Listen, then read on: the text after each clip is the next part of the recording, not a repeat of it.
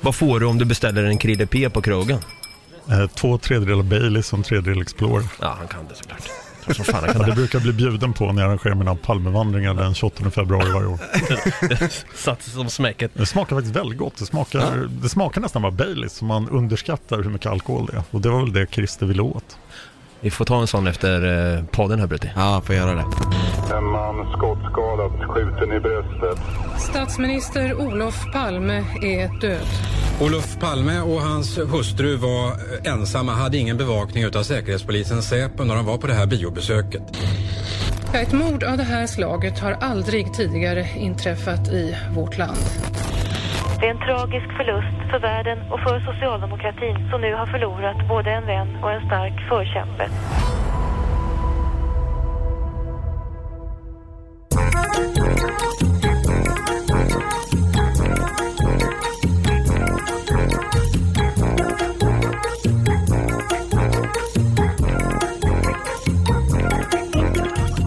Hjärtligt välkomna ska ni vara till ett nytt avsnitt av denna härliga höstspecial som går under namnet Konspirationsbonanza. Där vi varje vecka går igenom händelser som har en drös med konspirationsteorier omkring sig eller runt sig. Jag vet inte om man säger riktigt här. Men vi är i alla fall Något Kaiko Podcast som består då av mig, David, a.k.a. Dava och på andra sidan här sitter ju då min gamle gode vän Brutti. Och innan det så måste jag också säga, att vi har en person, en tredje person här också som sitter på den tredje sidan av detta bord. Där sitter en person som vi är faktiskt väldigt ärade av att få ha här. För idag så driver han nio poddar, bland annat Seriemördarpodden, Massmördarpodden, Hard Nerd Café, Mördarpodden. Ja, mycket mord blir det. Och som gräddet på mordet då, heo, så kör han ju även långkörarpodden Palmemordet. Mina damer och herrar, en stor applåd och en tuta till Dan Hörning. Välkommen hit Dan. Tack så mycket. Jag vet inte vad jag ska säga riktigt. Men Har, har du blivit presenterad på ett sånt sätt förut? nej, det här var väldigt bra. Tack så mycket. Kul att höra. Alltså du är ju lite av en, är det lite att ta i och säga att du är en pionjär inom den svenska true crime podcast-scenen? Är det lite att ta i? Jag tyckte att det fanns en massa true crime-poddar när jag faktiskt började prata om mord. Men jag har hållit på ganska länge innan jag började prata om mord. Innan jag ens började prata svenska i poddar. Just- Det var ett genombrott kan jag säga. Jag är mycket bättre på att prata svenska än engelska. Som ni kan höra i min historiepodd Fan of History. Ja. Men Där jag faktiskt pratar engelska. du började alltså med, med engelskan bara för att du tänkte att du ville slå igenom internationellt då eller? Jag tänkte svenska, hur många pratar det? Det är väl så här 12 miljoner totalt eller något med lite finnar. Men eh, då tänkte jag, det är ju ingen marknad. Det är bättre att prata engelska, kan jag nå liksom miljarder. Men eh, det fungerar inte riktigt så.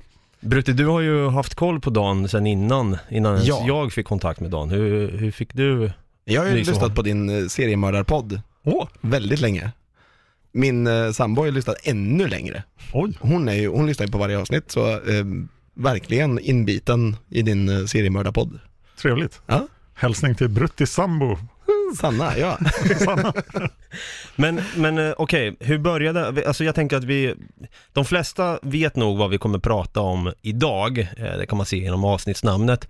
Men jag tänkte först, jag vill ju gräva och nysta lite djupare i dig Dan, för att jag tänker många har den här Dan Hörning, seriemördarpodden, du är inte så himla personlig i just den, men sen finns det ju andra poddar där du liksom bjuder lite mer på dig själv. Ja, den som sticker ut direkt är väl Mördarpodden där vi faktiskt har en dialog som vi gör tillsammans med Josefin Måhlén. Ja. Men just det här med podd om mord är ju det som har fungerat. Så att jag har ju poddat om allting som jag är intresserad av. I princip, till och med träning. Mm. Gympodden, men den är tyvärr inte aktiv just nu. Jag tror jag har åtta nedlagda poddar Det är så pass i Oj. dagsläget. Ja, jag har hållit på sedan början av 2013. Jag vet att, jag har, att vi har pratat om det förut, men jag måste nämna det igen. Kan du berätta lite kort om Pokémon Go-podden där? Hur gick det Dan? Min minst framgångsrika podd är The Pokepod. Vi bestämde oss, jag och Brennan Rankin från Texas, som jag har gjort över 200 poddavsnitt med, att göra en Pokémon Go-podd precis mitt i vågen där. Men vi kom ut två veckor för sent. Vi hade ungefär 30 lyssnare och alla lyssnarna hatade oss.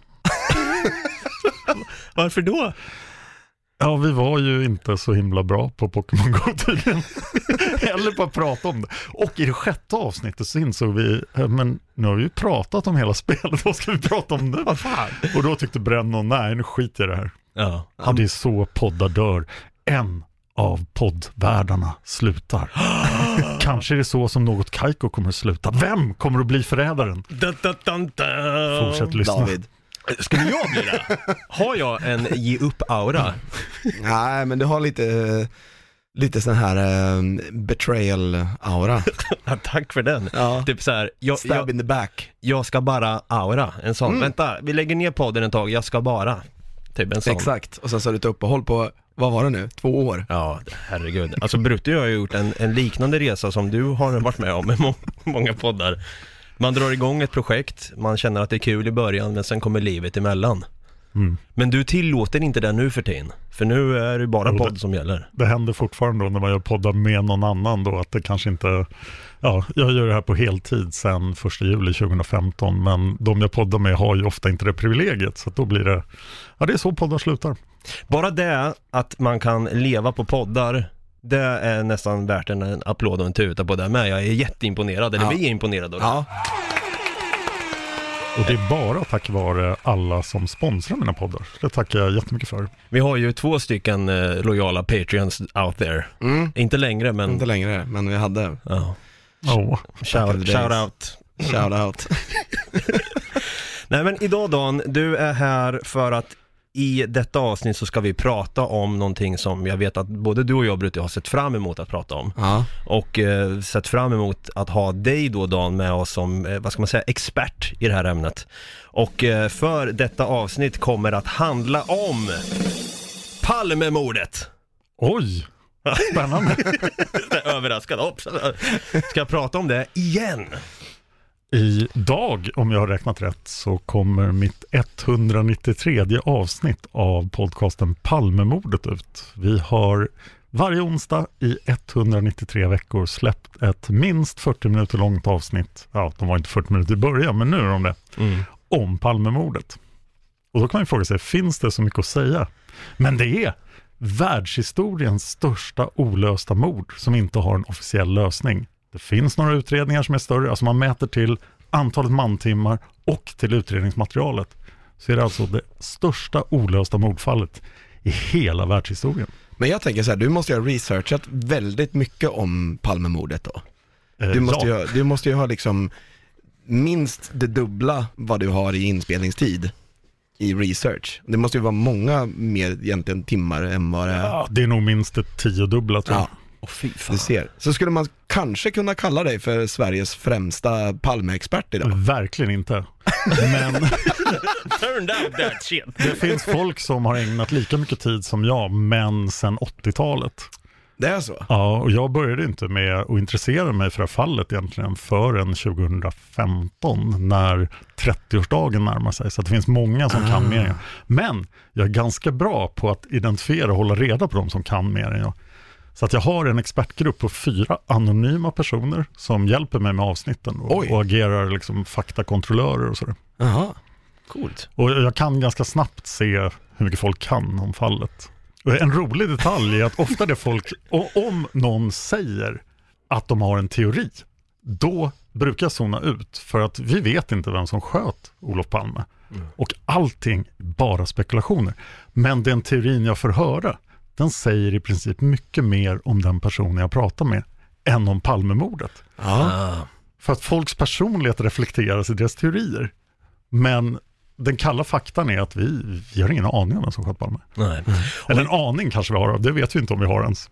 Och vi ska komma in på det här och för att slänga in just Dylan Avery once more, som vi nämnde i första avsnittet av eh, vår konspirationsbonanza, 9-11 där. Var det han som sköt Palme? Eller? Who knows? Vet vi inte. Man skulle kunna säga att Dan Hörning är lite av en Dylan Avery eh, som gjorde då filmen Loose Change som handlar om just konspirationsteorierna kring eh, 11 september-attackerna. För att du har liksom vikt ditt liv åt att vem fan i mig sköt Palme? Och för att kanske bena ut då ännu mer eh, så måste vi först och främst gå igenom den faktiska händelsen, den vi känner till. Ja. med det sagt, vi, eh, vi kickar igång. Ja. Alright, dags att eh, gå igenom vad var det som egentligen hände där 1986, 28 februari.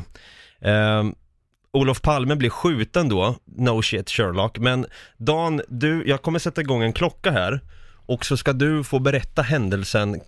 På, hur, hur lång tid kan du behöva? Jag kan sammanfatta allt vi vet om Palmemordet på en minut. Okej. Då sätter jag igång eh, timern här och med det sagt, varsågod Dan. Olof Palme gick på föreställningen Bröderna Mozart på biografen Grand tillsammans med sin fru, sin son och sonens flickvän. Efter bion bestämde sig Palme och Lisbeth för att gå hem till Västerlånggatan. De hamnade i hörnet Sveavägen Tunnelgatan där en okänd man sköt Olof Palme med ett direkt dödande skott. Ett till skott avfyrades. Det var förmodligen riktat mot Lisbeth men det vet vi inte heller med säkerhet. Vapnet var troligtvis en 357 Magnum Smith Wesson men det kan ha varit fem andra revolvertyper. Gärningsmannen sprang iväg, ner för Tunnelgatan, upp för trapporna, upp till David Bagares gata och där försvann han ur historien. Wow, applåden tar utav det. Det där sitter ju i ryggmärgen på dig Dan. Ja, och sen finns det förstås väldigt mycket mer saker vi vet. Men vi vet inte om den faktan har någonting med det här att göra överhuvudtaget. Så man börjar snöa in på, ja det kanske var Christer Pettersson, då finns det plötsligt jättemycket information. Jag tror att jag kommer göra någonstans runt 80 avsnitt om Christer Pettersson. Jag har inte ens börjat prata om honom. Jag har gjort två avsnitt om honom. Oh, shit. Men vi vet inte om någon av den faktan har någonting med mordet att göra överhuvudtaget. Hmm. Men det där är den offentliga, alltså ska man kunna säga att det är den officiella backstoryn? Det var så, det var Man kan, vi vet ju förstås att det fanns ett antal vittnen där, att de såg saker och så här. Det är ju förstås fakta som är relevant till målet, men eh, En taxichaufför bland annat. Ja, det stämmer. Som eh, kom, eh, är det från Tunnelgatan han kommer? Och sen ser han till vänster. Nej, inte från Tunnelgatan. Eh, taxichauffören står Eller i... jag vet inte vilken gata det är. han kommer i alla fall uppåt mot Sveavägen och kollar till vänster och där blir Palme skjuten. Det finns faktiskt vittnesmål från säkert sju taxichaufförer, men Aha. det jag tror att du tänker på Anders Delsbo, Ja, som exakt. sitter i en taxi på väg söderut på Sveavägen. Och han, Ah. han är en av fyra vittnen som gör en intressant observation innan skotten faller. Hmm, okej. Men det här känner jag att vi inte ska gå in på nu, för vi börjar prata om, om de 42 vittnen som tittar dit efter att skotten har fallit. Aha. Eller vad Lisbeth Palme säger, som jag har gjort tio avsnitt om. För en grej som jag har tänkt på, som jag kan tänka på än idag, det här var ju, det här skedde ju 86 då. Var det vanligt på den tiden att statsministrar och andra politiker gick helt ut i det vilda och spelade Pokémon Go var jag nära på att säga, men alltså att de gick helt ut i det vilda och bara utan livvakter? Palmes relation till sina livvakter är väldigt problematisk. Under februari månad, och mordet skedde den 28 februari, och under den månaden, han har bara haft livvakter offentligt fem gånger. Palmes stora hobby var att göra sig av med sina livvakter och springa omkring utan livvakter.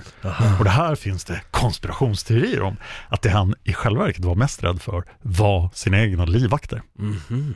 Jag hör här att du, du vill börja prata konspirationsteorier och det är bra Dan, det är bra Dan. En sista grej om just Palme, eh, vad minns du av när Palme sköts? Jag minns att jag vaknade och eh, min pappa var upprörd och sa att Palme hade blivit skjuten. Och det var så här, va? Vad konstigt. Vad konstigt. det är väl inte sånt som händer i Sverige? Nej. Tog det hårt på dig? Blev du väldigt, blev du omskakad eller liksom bara tänkte sådär, ja? Nej, jag var ju ganska liten så att jag tyckte att, jaha, så här, ja det är väl sånt som händer. Ja.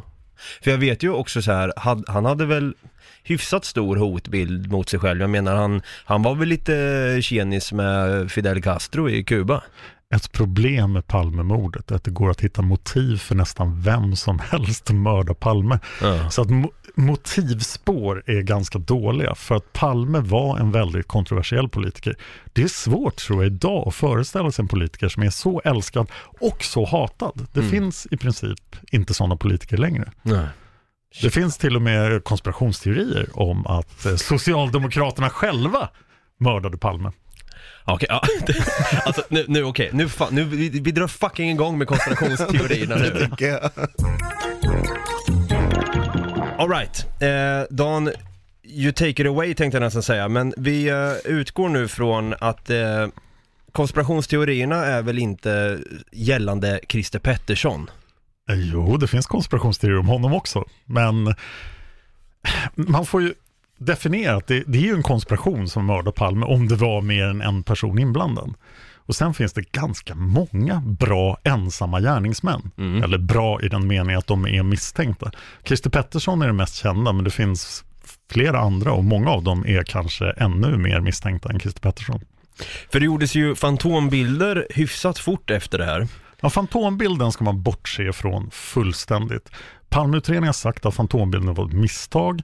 Hon som gjorde vittnesmålet på den här mannen som fantombilden baseras på har sagt att fantombilden inte alls är lik den mannen ens. Dessutom gjorde hon observationen då en kvart efter mordet. Det har gått alldeles för lång tid, gärningsmannen borde inte befinna sig på den platsen. Så fantombilden är, det finns konspirationsteorier runt fantombilden. Att fantombilden är ett villospår utlagt av Hans Holmér, den första utredningsledaren, för att förstöra utredningen. För fantombilden tar upp enormt mycket tid från det var Hans. Palmeutredningen.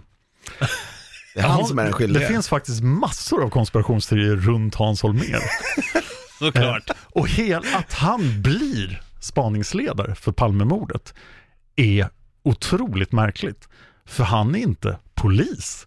Han är länspolismästare. Men det har han blivit genom att vara åklagare. Han är alltså en jurist. Men han leder den här utredningen för att eh, han vill det. Han ser till att leda den. Han är liksom den som i det här kaoset går fram med sin machostil och bara tar över allting. Och till slut börjar folk fundera på varför är det han som leder den här utredningen egentligen? Men det gör han. Och givetvis är han inte kvalificerad att leda en sån utredning. PKK då? Ja. Kurdistans arbetarparti. Hans Holmér hittar en ensam gärningsman som han gärna vill sätta dit. Det är Viktor Gunnarsson, den berömde 33-åringen som faktiskt häktas för Palmemordet.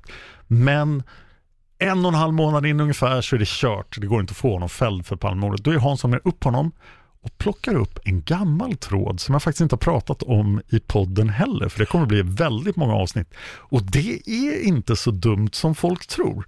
Hans Holmér snör in fullständigt på att PKK har mördat Palme. Jag kan dra en snabb eh, grej där angående PKK. Jag kan säga då att det är Kurdistans eh, arbetarparti, det är Partia Karkeren Kurdistan, ursäkta min kurdiska, eh, vanligen omnämnt med sin kurdiska förkortning PKK. Det är en kurdisk terroristklassad organisation i Turkiet och de har, hållit, de har varit operativa sedan 1978 i november till idag. Eh, det, jag måste ju säga, Brutti, har du hört talas om PKK någon gång? Ja, Du har det? men det är för att jag har intresserat mig lite grann för just det här med Palmemordet. Okej. Men det är, det är en av de, det, det är en sån här sak som mest har bara försvunnit lite i förbifarten. Så jag har inte riktigt, eh, jag har ingen koll på dem och jag har inte riktigt koll på konspirationsteorin heller. PKK är ganska bra PR just nu, för de var ju med och slogs mot IS. Just. Eh, Men alldeles nyligen gick turkiska staten ut igen och det är klart turkiska staten tycker illa om PKK för de vill ju ta en del av Turkiet och göra till Kurdistan. Aha. Det är inte så populärt i Turkiet. Men nu gick de ut och berättade att eh, de hade faktiskt identifierat Palmes mördare och att det var PKK. Vilken kurd det var som hade gjort det. Va? Ja, det är bara någon vecka sedan som turkiska Oh. staten kunde berätta det. här. Vi har ju, vi har ju väldigt mycket tur då med den här. Då behöver vi inte göra någon konspirationspodd. Då är det bara, Det var PKK! Men vad hette han? Hans Holmér spenderade första året av Palmeutredningen med att fokusera helt på PKK. Så till den grad att de erfarna mordutredarna kom till honom och tyckte, borde vi inte prata lite mer med vittnena på biografen? De kanske såg någonting. Nej, det har vi inte tid med. Nu ska vi sätta dit kurder. Ja. Shit alltså. Eh, och det jag kommer att hävda då i podden när jag kommer till PKK är att Hans Holmér hade mycket mer information som inte har kommit ut än. Som jag delvis har kommit över. Som gör det här mer trovärdigt än vad det verkar. Och Hans Holmér gick i döden och tyckte fortfarande att det var PKK. När Christer Pettersson kom upp på tapeten så var Hans Holmér en stor motståndare mot det. Han tyckte det var självklart, det här är statsministern inte mördats av en alkis. Nej. Det var ju PKK, det har jag ju sagt hela tiden. Men vad skulle de egentligen ha emot Olof Palme? Varför ville de af hem så att säga? Ja, det största argumentet mot då är att PKK hade utfört två mord i Sverige innan Palmemordet. Men PKK mördade avhoppare. Och de hade inte någonsin genomfört någonting liknande, alltså dödat en utländsk politiker. Så de menar på att Palme skulle vara med i PKK? Nej, nej, nej, nej. Vilken twist. Verkligen. Ja, kurd egentligen. Palme hade ju gått med på att PKK skulle terroristklassas i Sverige också. Och Palme hade dessutom nekat asyl till PKKs ledare. Aha, Så det skulle då vara skälet.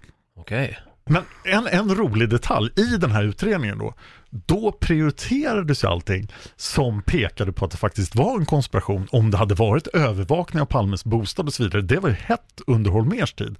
Men efter att Holmér försvann så gick det ett år till när i princip ingenting hände. Det pågick fem olika parallella Palmeutredningar som nästan inte pratade med varandra. Så alla vittnen blev förhörda av fem olika personer. Aha. Eh, till slut då tog Hans Ölvebro över. Och Hans Ölvebro då siktade sig väldigt fort in på Christer Pettersson. Och efter det har Palmeutredningen varit väldigt insnöad på en ensam gärningsman. Först Christer Pettersson och sen Christer Andersson. Men konspirationssakerna har liksom varit lite fult. Mm. Och då tyckte många journalister och folk som var engagerade i Palmemordet att det här är konstigt. Varför är Palmeutredningen så fixerad vid det här jättedåliga spåret? Mm. Och då började man tänka, finns det någonting här som måste döljas? Ja. För jag, jag tänker lite grann att vi människor är ju nästan experter på att vilja komplicera till allting. Alltså så här, vi vill att det ska finnas ett större syfte bakom liksom, ah, nej det är nog Illuminati som kan ligga bakom Olof Palme också. Så här, alltså vi vill hela tiden tänka stort, men i många lägen så kan det också vara av en ren quinkydink som jag brukar säga, att det kan, har ju varit en, en alkoholiserad gärningsman också som bara paff! En, en lustig detalj med Palmemordet, just eftersom det faktiskt finns så lite hård fakta, så kan man ta den här mjuka faktan, den som man inte vet är relevant, och så väljer man ut sin bit av den faktan. Och sen ramar man in den i sin teori och det är så de flesta författare som skriver om Palmemordet gör.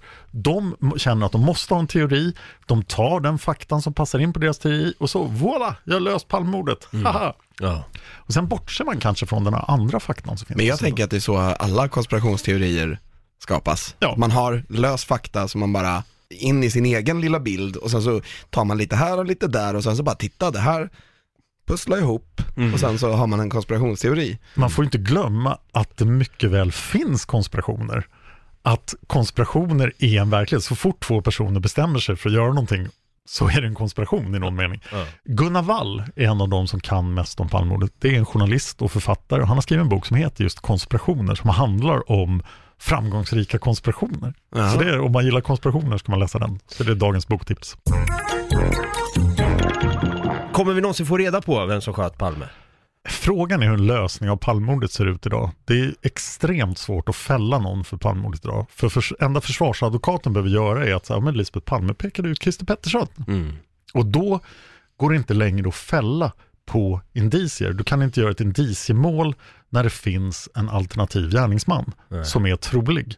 Ja precis, för det räcker inte bara med ett erkännande idag. Nej. Därför att det skulle, alltså jag skulle kunna säga att jag, nu skulle de inte tro på det för jag var inte ens född det här. Det var, det var liksom fyra månader kvar innan jag föddes. Eh, så Så att, du kröp ut och sköt statsministern. och ett embryo som jag har det bästa alibit ever. jag hade hört om honom där. Men då, så man kan inte påstå någonting nu längre? Alltså så här att, du, du, Ja, det, är ju, det är ju väldigt svårt. Det var ju som, det är ju som det här med ehm, en annan mördare, Zodiac Killer. Det var ju väldigt, det ju, går ju inte heller riktigt att lösa. Det är också väldigt länge sedan. Nu kanske du har en annan, eftersom jag vet att du är Det väldigt... finns ett partiellt DNA från ett av breven som man fortfarande hoppas väldigt mycket på. Ja, och jag tänker att vi kan bjuda hit dig igen Dan och prata mer om Zodiac, Oj, oj. The Zodiac Killer. Jag måste säga om erkännanden, det är ju massor av folk som har erkänt Palmemordet. jo, jo, Och vet lustigt nog så sammanfaller antalet böcker som har kommit ut om Palmemordet, vilket är någonstans strax över 140 böcker, med antalet personer som har erkänt Palmemordet, som är ungefär lika många. Så jag undrar om det är författarna eller om det är att det är en person som har läst varje bok och erkänt. Det var ju ett fenomen i psykvården att alla de här som låg inlagda och trodde de var Napoleon under då 86-87 bytte till Jag sköt Palme. Okej. Det blev liksom inne på psyksjukhusen. Ja, det har väl gjorts några låtar på det också. Jag sköt Palme och satte klister i klistret. Lunch Loop, Ja. 98. Yeah, yeah, jag sköt Palme och satt Christer i klistret Om snuten bara visste det var Lokok terrorister Som sköt statsminister för 12 långa år sedan Glöm PKK, glöm polisspåret Jag tror så här också, eller jag tror och tror, tror gör vi alla, men alltså det här med, med konspirationsteorierna då, vilk, vem som sköt eller vilka som sköt Palme då, vilka som låg bakom. Kan vi lösa det här med tanke på att det finns ett annan, en annan konspirationsteori som menar att poliser låg bakom? Ja, det är faktiskt de avsnitt jag gör just nu.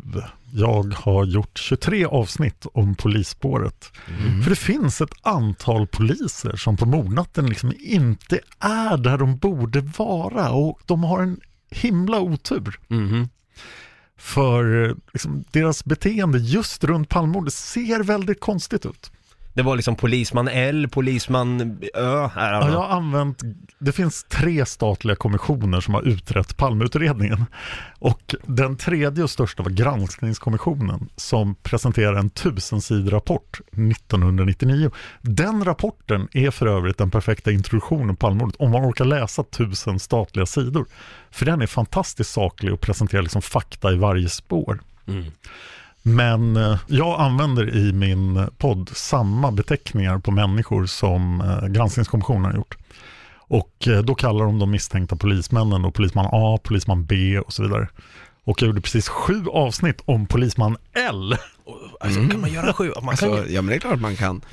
Jag har gjort åtta avsnitt om polisman A, han är faktiskt ganska märklig. Är det att efternamnet slutar med den bokstaven då eller? Nej, de har inte berättat varför de har satt de här bokstavsbeteckningarna på dem, men eh, vi har ju då listat ut vem de menar. Mm, okej. Även fast de faktiskt ville att man inte skulle kunna göra det. Vad var det som var skumt med de här poliserna då? Vad, I deras beteende kring just den här natten han sköts, Palme?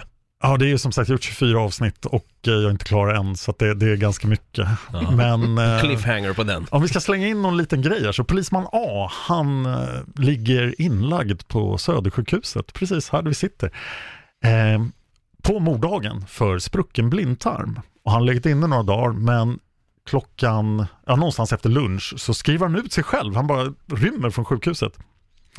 Och sen är det ingen som vet riktigt vad han gör på kvällen. Men han har mystiskt nog hyrt en lägenhet precis där Palmes mördare ses av det sista vittnet.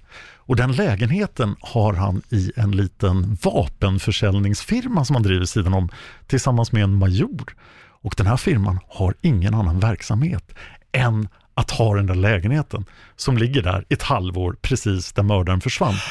Sen bildar han en ny vapenfirma och då får han sälja skottsäkert glas och en k-pist gömd i en portfölj till Hans Holmer som är hans bästa kund. Quinkadink I think not! Sen bestämmer han sig för att smuggla saker åt Ebbe Carlsson och hamnar i Ebbe Carlsson-affären. Då bestämmer sig tullen för att göra en husrannsakan hemma hos polisman A. Då hittar de en hel vapenarsenal i hans lägenhet. Och I den där vapenarsenalen finns 357 Magnum-ammunition som är pansarbrytande. Och kulorna som sköt Palme var pansarbrytande. De var extremt ovanliga i Sverige. Så tullen tycker, men det här är ju samma kulor som sköt Palme. De måste vi skicka in till, ja det hette inte SKL då, Nej. NFC kanske. Mm. Men när de skickar in de här så försvinner de spårlöst i ett år. Så ingen kan testa dem. Sen dyker de plötsligt upp igen, så här, ja, nu kan vi testa dem. Och då var det inte kulor av samma sort. Eller från samma batch i alla fall.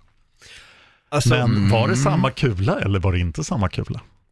that is the question. Och sen dog han i en ganska konstig åkomma 2010. Precis som Hans Holmér dog i en supersällsynt sjukdom 2002. Som var Eh, det vet jag inte på rak hand, men den var väldigt ovanlig. ebola.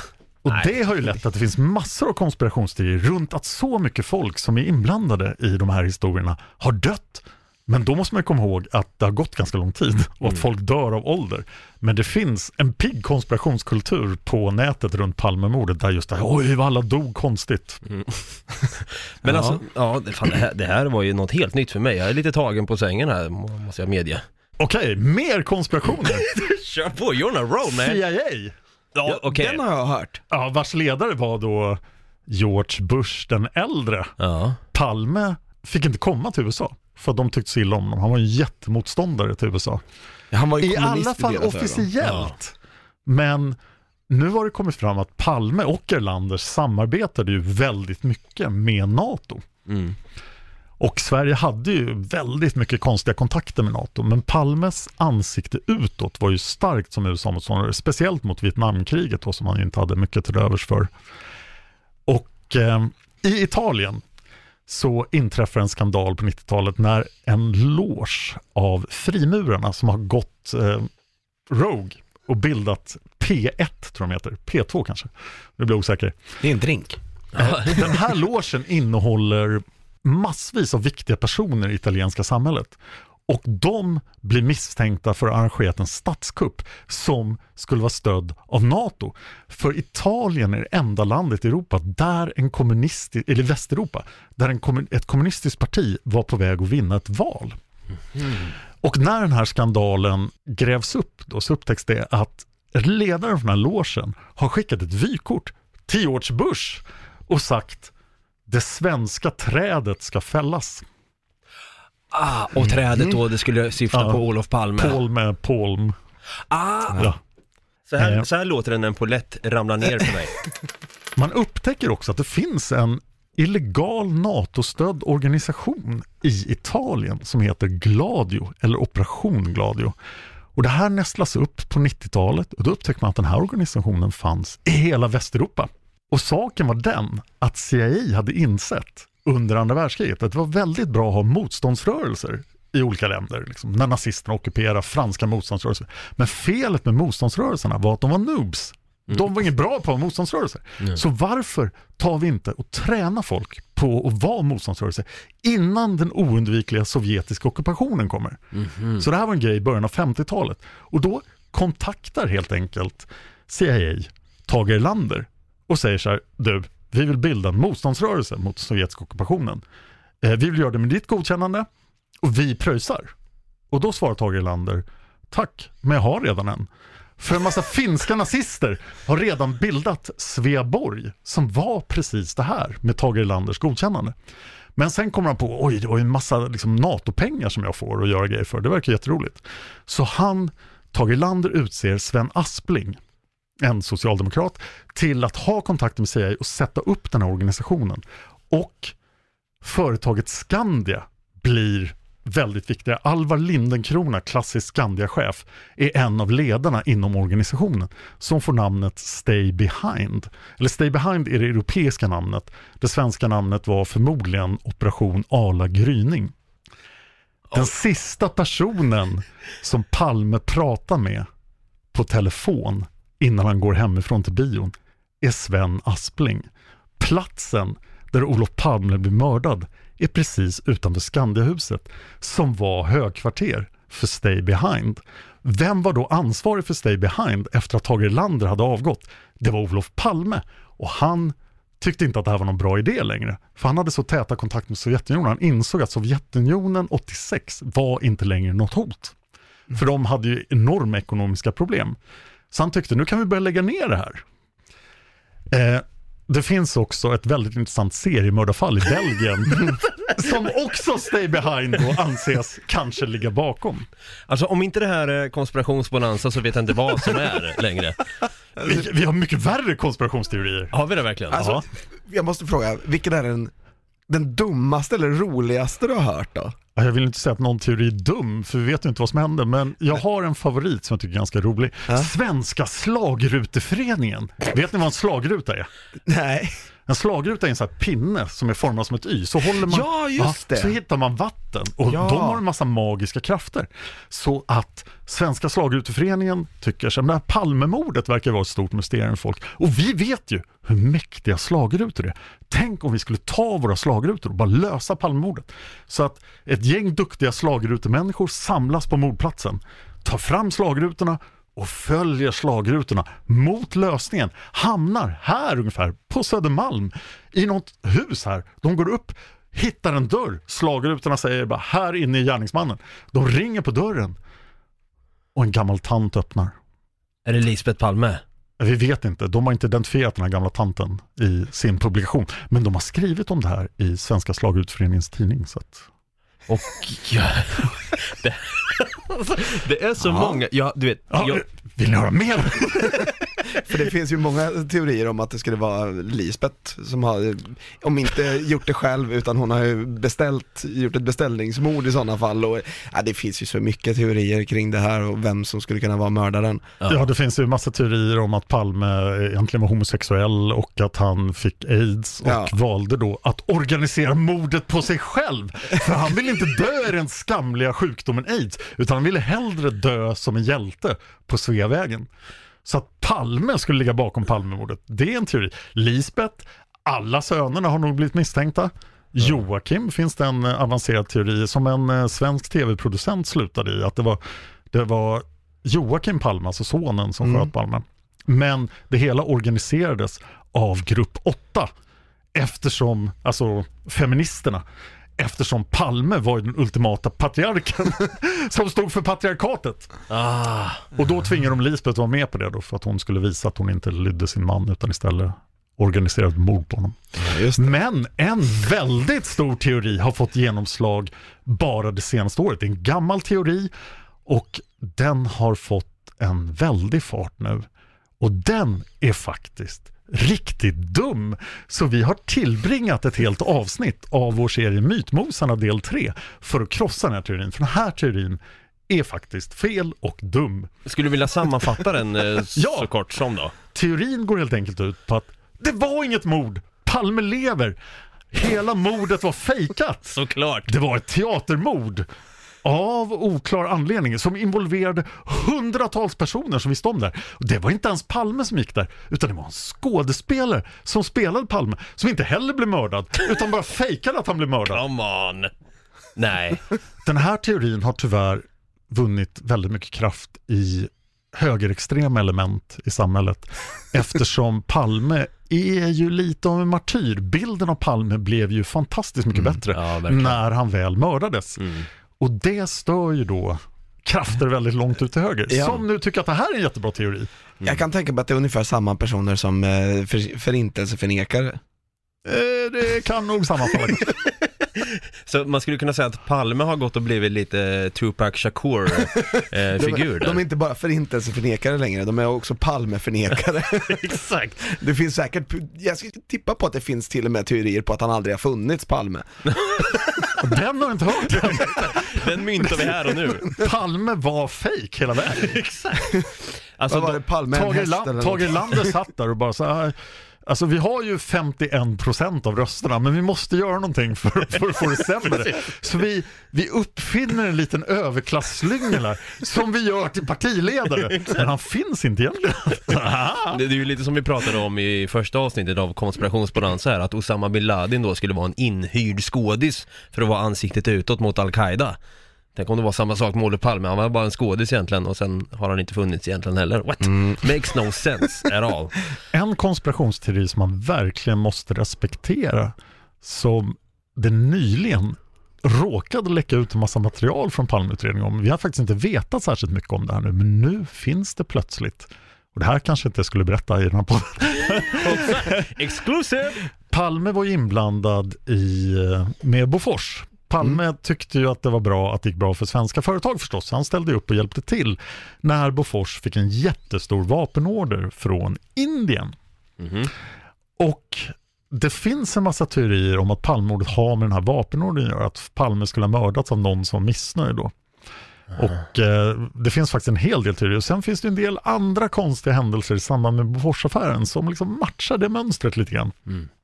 Så Boforsspåret brukar av alla, det har en speciell status i Palmediskussioner för alla tycker så här, Bofors, det är ett seriöst spår. Men det har liksom inte funnits några detaljer alls. Och ska man lista ut vem som mördar Palme, då måste man ju vara på Sveavägen. Och man har liksom inte kunnat placera den här indiska vapenaffären i hörnet Sveavägen-Tunnelgatan riktigt. Men eh, nu finns det massa nytt material som jag faktiskt inte har läst än. Okej, okej.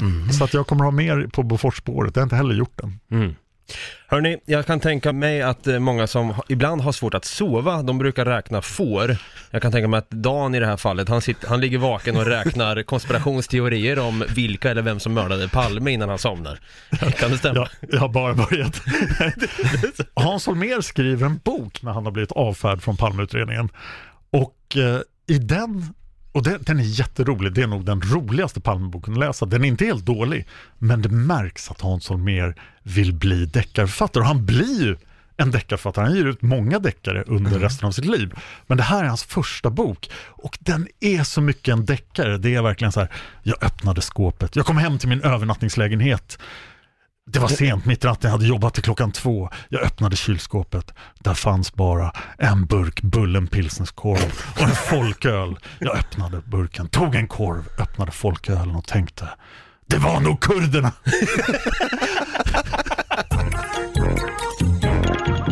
Ja, en hel jäkla konspirationsbonanza på en konspirationsbonanza på en konspirationsbonanza skulle man kunna säga. Det här var alltså Palmemordet, konspirationsteorierna kring det och det var inte bara lite utan var, det var faktiskt en drös av dem.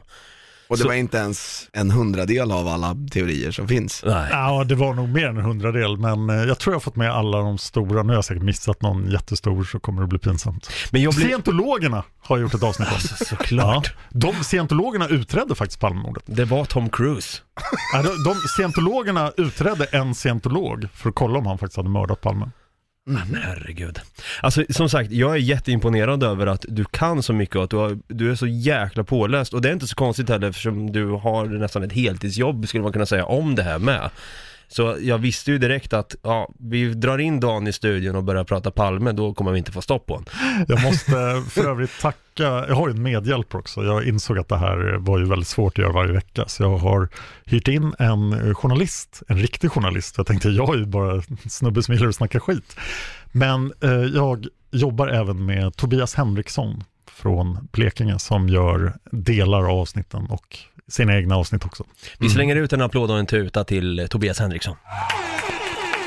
Han gör även en podd som handlar bara om myter och konspirationer som heter Tänk om, finns på Acast. Så Ah, Där har jag varit gäst också och pratat seriemördare och Storsjöodjuret. se där. Mm, Han den kanske... hittade jag faktiskt häromdagen, den Hittar du. Storsjöodjuret? Nej. det hade varit något. Oh shit. Men eh, nej, det var eh, Loch Ness faktiskt. Loch Ness hittade du Ja. ja. fick den. Ja, ja, det var på tiden. Det det var en liten mal som visade sig i slutet. Nej men det hade varit jättekul att få med Tobias på det här också, snacka konspirationsteorier. Ja, det ställer han nog säkert gärna upp på. Ja, grymt. Du Dan, eh, vi kan väl börja med att fråga det här. Vart, vart kan man nå dig enklast? Eller vart hittar man dig? Det lättaste sättet att följa alla mina poddar är att följa mig på Instagram. Dan Hörning heter jag, så jag är väldigt lätt att hitta. Jag finns på Twitter också och på Facebook finns en sida som heter Dan Hörning författare och poddare där jag liksom försöker lägga allting. Men sen har varje podd sin egen Facebook-sida också. Och eh, Något Kaiko kan man hitta vart Brutti? På Facebook, Något Kaiko Podcast. Eller på Instagram, Något Kaiko. Eller så kan man mejla oss också på nagotkaiko.gmail.com. Och om du har en poddapp som tillåter att du kan gå in och ratea och eventuellt skriva en recension så är vi mer än tacksamma att eh, få emot det. Eh, några stycken som har gått in och kommenterat eh, en applåd och en tuta på det. Och eh, Dava har kanske världens bästa radioröst, såg jag där också. Det är lite kul, kul att läsa Jag det. måste ge er beröm för 9-11 avsnittet. Jag tyckte det var jättebra. Ah. Jag sa ju när vi pratade om det att jag kunde prata 9-11 men ni hade redan tagit upp allt det jag tänkte säga. Det var ett jättebra avsnitt. Fan, Tack så kul. jättemycket. Tack så jättemycket. Och Dan, du är mer än välkommen tillbaka hit. Tack så mycket. Eh, Du får lite eh, försprång där, eh, vilket ämne vi ska ta upp i så fall. Så att du, är- jag tänkte säga så att du är påläst, men det känns som att du är påläst kring fucking allt Dan. Och det här råkar vara det ämne som jag kanske är mest påläst på. Faktiskt. Om vi inte ska prata assyrisk historia från 800-talet före Kristus. Men jag, jag tänker att Dan ska få avsluta den här podden med de heliga orden. Minns du vad Brutti alltid säger i slutet? Nej, Nej. Vi, det, han skulle en gång säga, ha det gött. Ja, och ha det bra samtidigt. Så det blev, ha det Gröt. Så du får gärna säga det Dan, så avslutar vi podden här. ha det gröt. Där ja.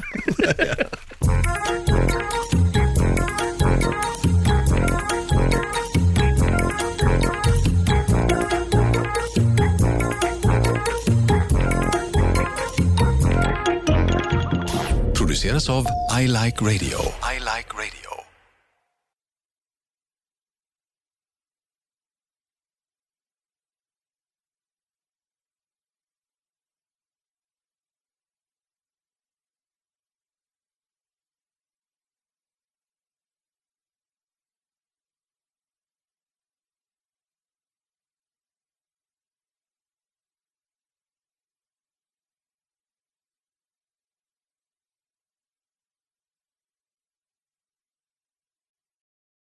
Välkommen till Telenor röstbrevlåda.